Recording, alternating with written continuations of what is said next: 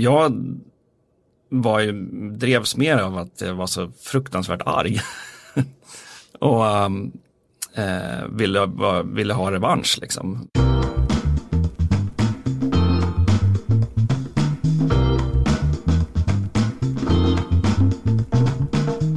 Han var arg och fylld av revanschlust. En konkurs hade lett till stora skatteskulder och för att bli fri från dem skapade han ett dataspel som blev succé. Och verksamheten växte till ett miljardbolag. När bolaget Avalanche Studios såldes till Nordisk Film för 1,2 miljarder kronor kunde han kvittera ut åtskilliga miljoner. Men nu har han släppt spelbranschen för att istället utveckla våtdräkter. Dagens gäst heter Kristoffer Sundberg, jag heter Sara Brännström och du lyssnar på podden Min första miljon. Men först några ord från poddens sponsor.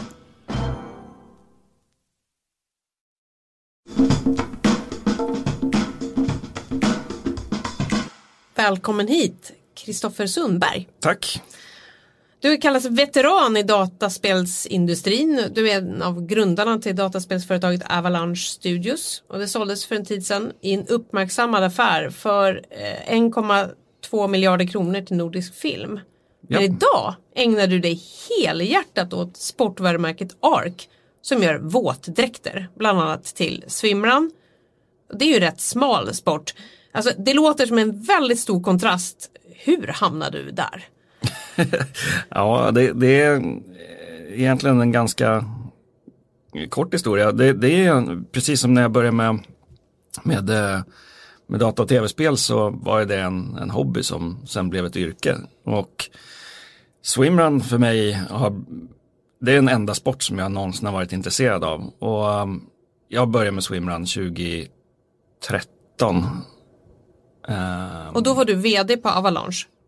Ja, eller, nej, jag var en kreativ chef. chef. Ja.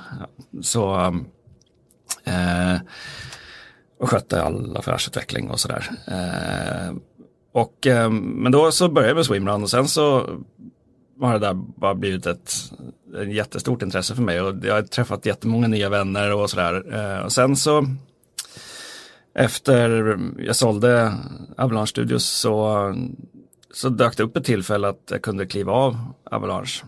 Eh, och uh, satsa helhjärtat på, på ARK. Uh. Men om man säger så här, dataspelbranschen är så här, har en global jättepublik, den är rätt lukrativ.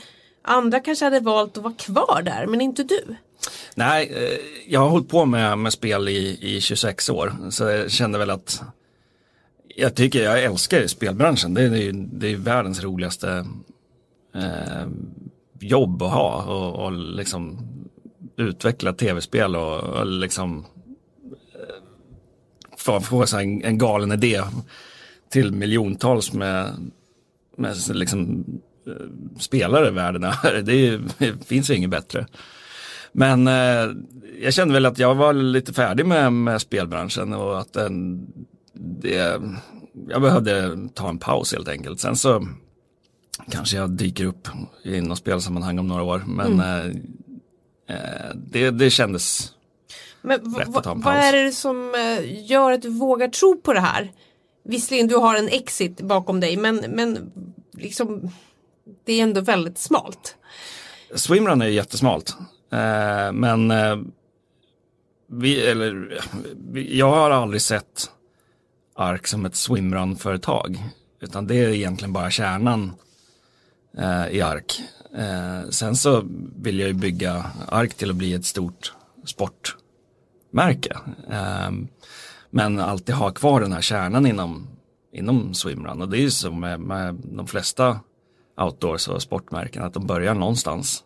Mm. Eh, oftast så kan det vara ganska nischat som klättring eller vad det må vara. Mm. Så att ähm, äh, men det, det, jag tycker det, det, dels så om man ser rent kommersiellt så är det ju bra att ha den här storyn och berätta eh, runt ARK och swimrun. Swimrun är en sport som kommer från Stockholms skärgård. Eh, vi sitter i Stockholm, eh, vi, vi är swimrunners, vi som kör ARK och sådär. Så att, eh, det, det, det känns det känns rätt naturligt mm. och det, det, är definitivt någonting att bygga på i och med att den, sporten växer ju så mycket också. Så att, vem vet, vi kanske blir kvar inom swimrun och inte gör någonting annat. Men, men hoppas du att swimrun ska bli vår tids golf då? Ja absolut, Eller jag, jag hoppas ju att eh, det är Micke Lemmel på, på ATÖ som har sagt att han hoppas ju att swimrun ska kunna bli en motionssport. Det låter och, ganska extremt, man ska ja. simma eh, en mil och springa ihjäl sig från eh, Sandam till Ornö liksom. Ja, Utö. Utö, ja. Mm. Ornö är nästan halvvägs. Okej, okay. ja det är ännu värre. Ja, ja det, det, är ju extremt. Eh, det är ju, man jämför så är det ju ett och ett halvt maraton och två och ett halvt Vansbro-sim som man gör på en dag. Mm. Och det är, det är ju extremt. Eh, men samtidigt så finns det ju lopp som är, är kortare och, man, mm. Och det finns eh, tävlingar som man kan göra med sina barn, som många loppet till exempel. Eh, så att det behöver ju inte vara 6,5 mil löpning eh, och en mil simning. Det kan ju vara 6,5 kilometer löpning och, och en kilometer simning. Mm. Men alltså hur stor del var försäljningen av Avalanche en förutsättning för att du skulle kunna satsa i ARK? Eh, det var ju nästan eh, det var ju en hel förutsättning för att det skulle kunna lyckas. Annars hade vi fått ge oss ut och jaga investerare och det, det tar tid. Men ni äger det här 100% själva nu? Ja. Mm. Eh, så det, det känns bra. Eh, och jag står som ensam investerare bakom så att det, det, det känns bra för då har man kontroll på saker och ting och ställer man till det så är det bara ens eget fel. Mm. Då kan man inte hålla på och skylla på massa andra. Nej, okej. Okay. Men om vi, om vi backar lite till Avalanche som du drog igång eh, hemma vid köksbordet eh, för drygt 16 år sedan. Och det växte, du fick hundratals anställda. Så här, minns du hur det kändes när det stod klart då att Nordisk Film skulle betala de här 1,2 miljarder kronorna för bolaget?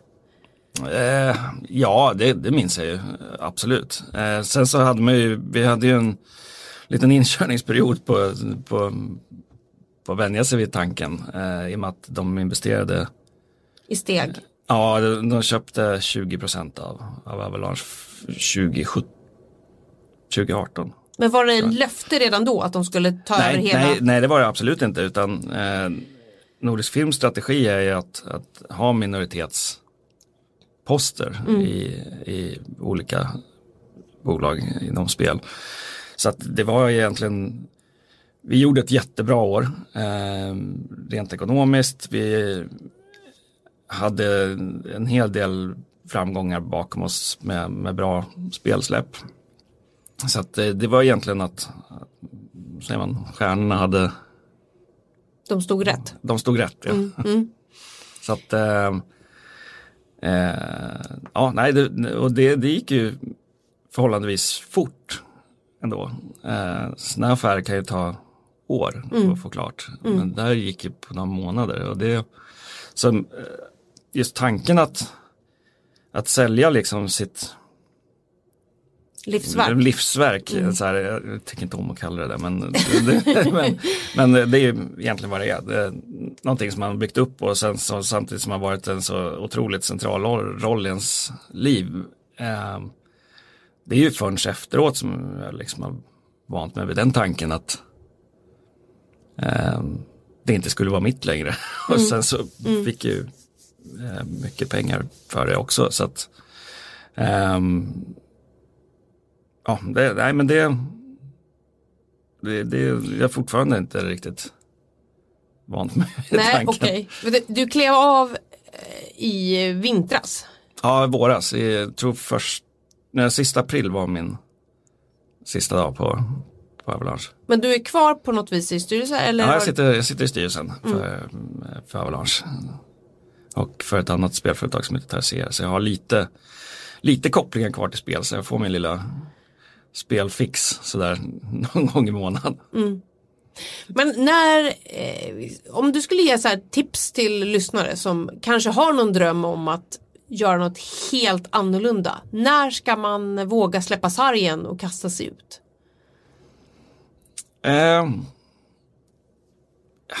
jag har aldrig funderat liksom i de banorna att det, att det skulle gå åt skogen eller någonting. Utan eh, just den känslan av att man kontrollerar sitt eget öde att man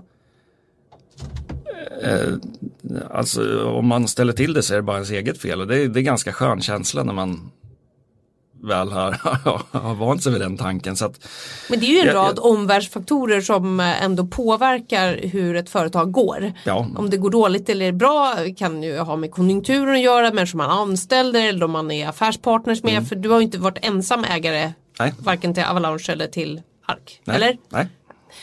Eh, och då, då är det ju liksom massor med saker som är så det där att ha makten, är det verkligen så enkelt? Ja, jag tycker det. Eh, sen så eh, har man ju alltid med, med personer att göra när man är flera som, som äger. Men jag har varit rätt eh, jag, jag har alltid kört min väg och det är ju lite arrogant mot andra sådär men, men om jag inte jag har aldrig gett mig in på någonting som jag inte tror på helhjärtat själv. Eller det, aldrig ska jag inte säga men för de gånger jag har gjort det och det liksom känns att nej, det, det här är inte rätt. Så har det alltid gått åt skogen. Så eh, det, jag har egentligen bara gjort så som jag tycker är rätt själv. Och eh, struntat i egentligen vad, vad andra tycker. Men när du satt vid köksbordet och drog upp riktlinjerna för Avalanche för sådär länge sedan.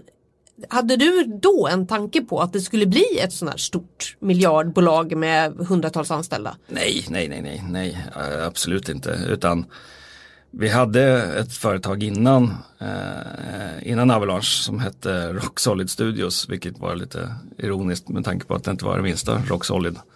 Det gick i konkurs. Ja, vi satte det i konkurs. Eh, vi, vi, efter en misslyckad försäljning eh, till ett annat spelföretag eh, 2000, slutet på 2002.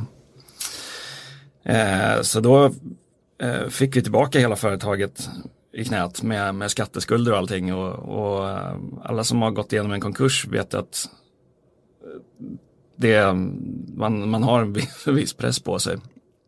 Eh, just med med skatteskulder och leverantörsskulder och jag hade fordringsägare som ringde ständigt hemma och jag hade precis blivit pappa.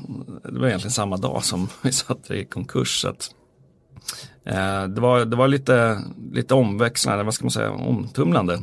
Men hur kändes det då? Var det ångestfyllt? Ja, inte, inte sådär ångestfyllt direkt. Ehm, utan jag var mest arg på att, dels på mig själv för att jag hade litat på helt fel människor. Och, och sen var jag arg på att vi faktiskt blev, blev blåsta. Ehm, vi var lite naiva så. Ehm, men ehm, eh, nej, så att jag var ju, drevs mer av att jag var så fruktansvärt arg.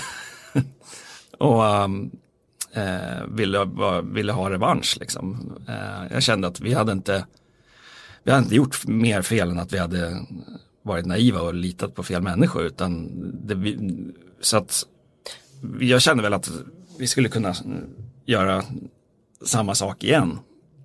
Fast göra Var det rätt. samma partners du hade Ja. som du startade Avalanche Ja, med? precis. Mm. Så, um, så vi, vi körde igång ganska omgående efter, efter det där. Och vi, med, med att vi hade en hel del skulder så eh, och sen hade ju en familj då helt plötsligt att försörja. Ehm, och min, min dåvarande fru jobbade på, på, på Rock Solid Studios också så att vi satt liksom i skiten båda två. Och eh, så att, att, att betala tillbaka skatteskulder med lön det, det fanns inte på kartan så att vi, vi startade om från början igen och sen så eh, skrev jag eh, första konceptet till, till Just Cause som blev Avalanche liksom Stort succéspel. Ja, absolut. Ja, mm. Eh, och, men, men det fanns ju inte en tanke på att, att det lilla spelet skulle sälja över, jag tror väl uppe i 17 miljoner Mm. ex nu. Och, um, så att, eh, nej, utan tanken var väl att vi skulle bara köra ett, ett spel. Och sen så får man Så se du skulle hur- kunna betala tillbaka skulderna? Ja, Okej. Eh, och sen så får man se hur det gick liksom. Och sen så släppte vi Just Cause 2006. Eh, och innan dess så hade vi ju eh, satt vårt namn på kartan. Det, var en ganska svår genre att bråka sig in i också, just den som vi valde med stora öppna världar och vi hade Grand Theft Auto som var liksom det stora spelet i genren och eh, fortfarande. Eh, men, men vi gjorde någonting eh, unikt i den genren som, som Folk gillade det? Mm, Ja, absolut. Så att, nej, det, det fanns Så inte. menar du att det är en slump att det här spelet blev en succé? Eh, ja, li- lite slump är det väl. Eh, så man, jag brukar säga att vi hade väl hälften tur och sen hälften skicklighet också. Eh, så att det var ju, jag ska inte säga att, att det var helt planerat allting. Nej. Utan, Men under tiden på Avalanche så har du också haft en del eh, motgångar. ja, Ni behövde minska personalstyrkan under en period. Ja, Hur var det där? ja vi, vi förlorade två, två stora avtal på ett år. Eh, 2008. Eh, och eh, vi, vi förlorade ett avtal på, på våren 2008. Och då, men då hade vi, vi hade så bra flyt då så att vi kunde bara flytta den personalen till ett annat projekt som vi hade där vi behövde mer personal. Så att, så att det märktes inte så där jättemycket mer än att vi var ett, ett projekt mindre. Eh, men sen så på hösten så eh, fick jag ett samtal från vår förläggare som sa att de eh, visade superdåliga siffror och då, sen så var det tyst i två veckor och då visste jag precis vad som skulle hända. Så att, Och vad skulle hända? Att de skulle säga upp det avtalet Ja. och då, då satt vi riktigt illa till. Eh, så då eh, så samlade jag egentligen alla i, i ledningen i, i ett rum och sa att vi, vi kommer behöva säga upp folk och vi kommer behöva förhandla med fackförbund och vi kommer behöva ge oss ut och sälja in något nytt. Eh, så eh, tajmade vi, vi, vi, vi tog alla anställda, tog tre minuter med, med alla och säga om de var, om vi skulle behöva säga upp dem eller inte och, och sådär. Så, och det var ju, eh, jag kommer ihåg, vi, vi kallade till en sån här stormöte och, och alla trodde det vi skulle säga att vi hade hitta på något nytt avtal med något nytt stort spel. Ja. Och så var det precis tvärtom istället. Så att liksom att, att luften gick ur alla var ju, är ju lite understatement. Sådär. Ehm, och det var ju mycket tårar och sådär. Men, men samtidigt så, så var det ingen som lämnade, även om de blev uppsagda så var det ingen som varit bitter eller tyckte vi hade gjort någonting skötte dåligt sådär. Sen så lyckades vi återanställa. En del, okej. Ja, Senare eller? Ja. Mm. Men ringde, hur, hur, hur hanterar du sådana här motgångar när du står inför de här faktumen då? När det är så här jobbigt? efter, efter konkursen så, då, då, som sagt, då, då var jag så otroligt arg och låg sömnlös och sådär. Liksom. Men sen så, man, man löser ju inte problem på nätterna när man ligger hemma i sängen. Det, så då kan man lika gärna sova. Eh, så jag, efter det så har jag lärt mig att ta sådana här saker med, med ro. Eh, och sen så är det ju, eh, och det låter ju kanske lite enkelt, men det är egentligen bara att, att kavla upp ärmarna och sätta igång och jobba igen. För att det, ingenting löser sig självt. Eh, så att eh, Nej, jag, jag triggas lite av, av sådana här motgångar också. Det är fruktansvärt att behöva säga upp. Jag tror vi varslade 90 personer eller någonting. Men, och det, det är ju 90 hushåll som man liksom ställer till det för. Eh, men, men jag, jag, och det var ju en risk för mig själv också och min familj. Så, men, men samtidigt så, jag får en liten kick av sånt där. Eh, och jag, jag vet att det löser sig. Så jag, mm. så jag jobbar bara på och sen så har det löst sig. Men har du alltid varit så här en driftig person? Eh, ja, det, det, har väl varit. Eh, Men visste du när du gick i skolan att du eh, skulle bli företagare och driva eget? Nej, det, nej ja, eh, kanske sådär. Jag hade väl inte sådär, några ambitioner av att göra någonting särskilt mer eh, när jag gick i gymnasiet utan eh, jag eh, Ja, nej men jag, jag, hade så dåliga betyg så jag kom inte in på någon högskola eller universitet och sådär. Så för min del så var det egentligen bara att, att hitta på någonting och, och göra själv. Och i och med att jag hållit på med, med spel liksom, och gjort spel sedan jag var 10-11 år så, så föll det sig rätt naturligt att, att jag sökte mig åt det. Men det, det här var ju på en tid när att jobba med spel, det, det var ju ingenting som man kunde planera med. Nu finns det ju utbildningar att gå. Liksom. Det här mm. var ju bara när det dök upp en möjlighet liksom, mm. som man hoppar på.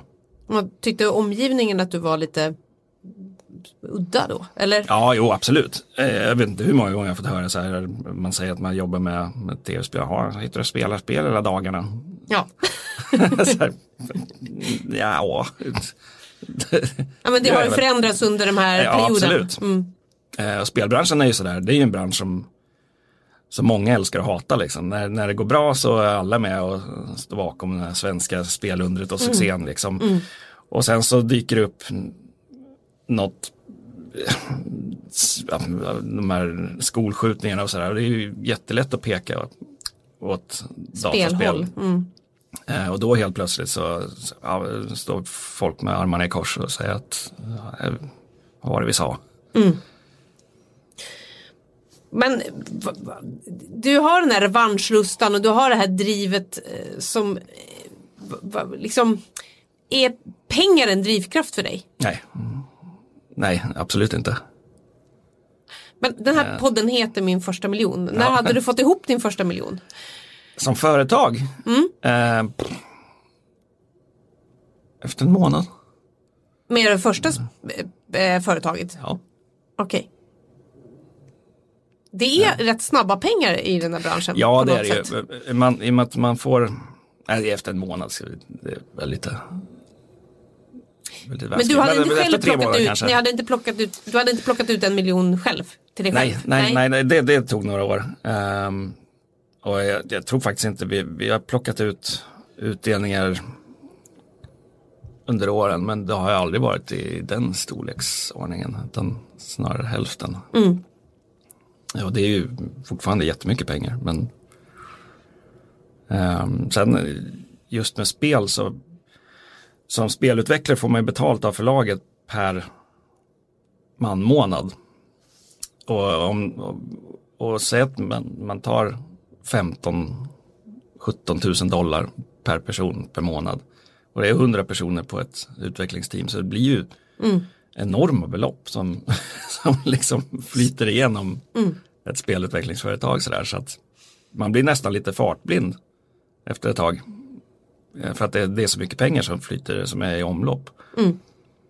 Ja, sen så är inte det ens egna pengar men, men ja. Man blir blind för siffrorna tänker du? Ja, lite så. så. Mm. Ja, för det är ju inte så många heller som eh, bygger upp ett bolag på 16 år och sen är det värt 1,2 miljon, miljarder. Nej, nej, det är det inte. Eh, men hur påverkar det dig då? Ändå liksom. Menar du? Med Ja men alltså, okej okay, plötsligt så har du sålt eh, det här företaget och du har fått alla de här pengarna. Hur påverkar det en? Det är ju eh, såklart jätteskönt att, att slippa oroa sig för att inte kunna betala räkningar och sådär, för det, det tycker jag har gjort tillräckligt. Eh, och, och, sen så är det ju jättekul att kunna investera i, i nya idéer. Mm. Eh, det som jag själv har och sen som kanske som andra har också. Nu har jag inte Hur har du placerat pengarna då? Nej, jag har inte gjort så mycket mer än en ark. Så att eh, betalat av lånen på huset, det är väl det är de placeringar som jag har gjort. Men eh, nej men så att. Men ark kostar fortfarande? Det är liksom... Ja det, det gör det absolut. Mm. Eh, det kommer ta några år innan det, eh, innan det går, går runt. Men vad är ambitionen här då?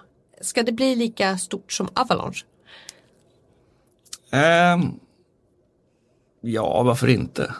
Um, alltså rent personalstorleksmässigt så det, det, är inte så svårt att bygga upp ett stort företag med massa personal. Det, utan det gör, det gör ett bra företag som, som gör vinst vinst och framförallt eh, produkter om det är spel eller våtdräkter som, som, som folk tycker om. Och, och, och där har vi ju definitivt någonting att bygga på eh, med ARK. Um, så att ja, absolut. Eh, min ambition är att bygga upp det där till ett stort sportvarumärke.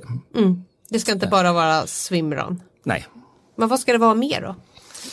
Um, vi sneglar ju på triathlon. Vi har eh, kollat på, eh, på OCR, hinderbanelopp eh, som World's Toughest Mother-loppen. Eh, det har vi testat dräkterna på den kille som kör. Han kör alla lopp i den serien. Och det är ju 24 timmars lopp. Han, han springer eh, i 12 timmar. Och sen så går han in och byter om och springer 12 timmar till. Uh. Så att, och han är inne på sin andra dräkt eller någonting sånt. Eh, och då har han ändå kravlat under taggtråd och burit däck och stockar och allt möjligt. Sådär, så att eh, det, jag tror att just hinderbanelopp är en jättemarknad som, som egentligen ingen har, har tittat på. Mm. Men eh, vad, vad, kan man, eh, det är ju, eh, känns ju som att det är en stor skillnad på den här digitala spelbranschen eh, till att sälja fysiska produkter, mm. detaljhandel ja. via en hemsida. Vad tar du med dig från spelbranschen till den här sportbranschen?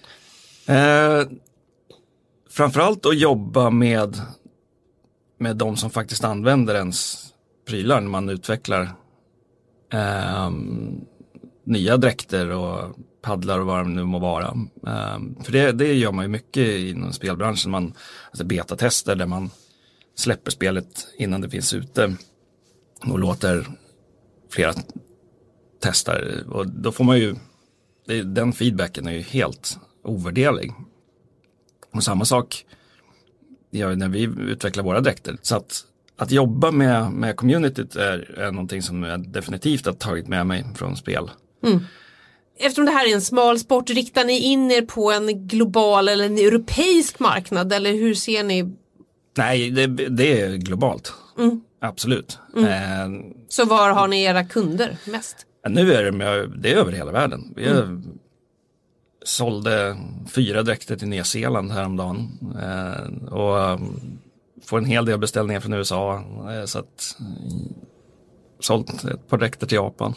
Okej, okay. men ser du att swimrun är liksom en eh, sport på framväxt på alla möjliga världsdelar? Ja, absolut.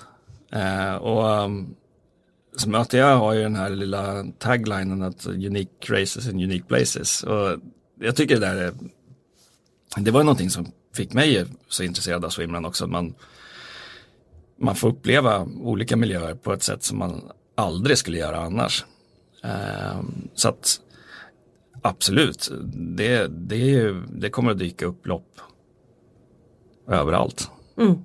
Men om ARK inte nu lyckas, vad gör du då? Starta nytt spelbolag? Ja, men det kommer att lyckas. Du är helt övertygad? Ja, absolut. Det börjar bli dags att runda av ja. och du går härifrån. Vad ska du göra nu? Eh, nu ska jag faktiskt åka till Avalanche och uh, käka lunch med, med några gamla kollegor. Och sen så har jag ett möte på Avalanche.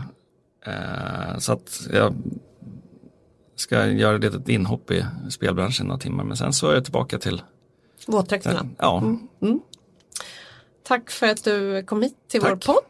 Mycket trevligt att ha dig här, Kristoffer Sundberg. Tack, tack. Det var veckans avsnitt av Svenska Dagbladets podd Min första miljon med Kristoffer Sundberg, dataspelsveteran och storägare i sportvarumärket ARK. Och jag heter Sara Brännström. Missa inte att lyssna på våra tidigare avsnitt. Vi har träffat aktieprofilen Niklas Andersson som ger sina bästa aktietips, Indiskas VD Karin Lindahl och entreprenören Sven Hagströmer. Du hittar alla avsnitt i din poddspelare.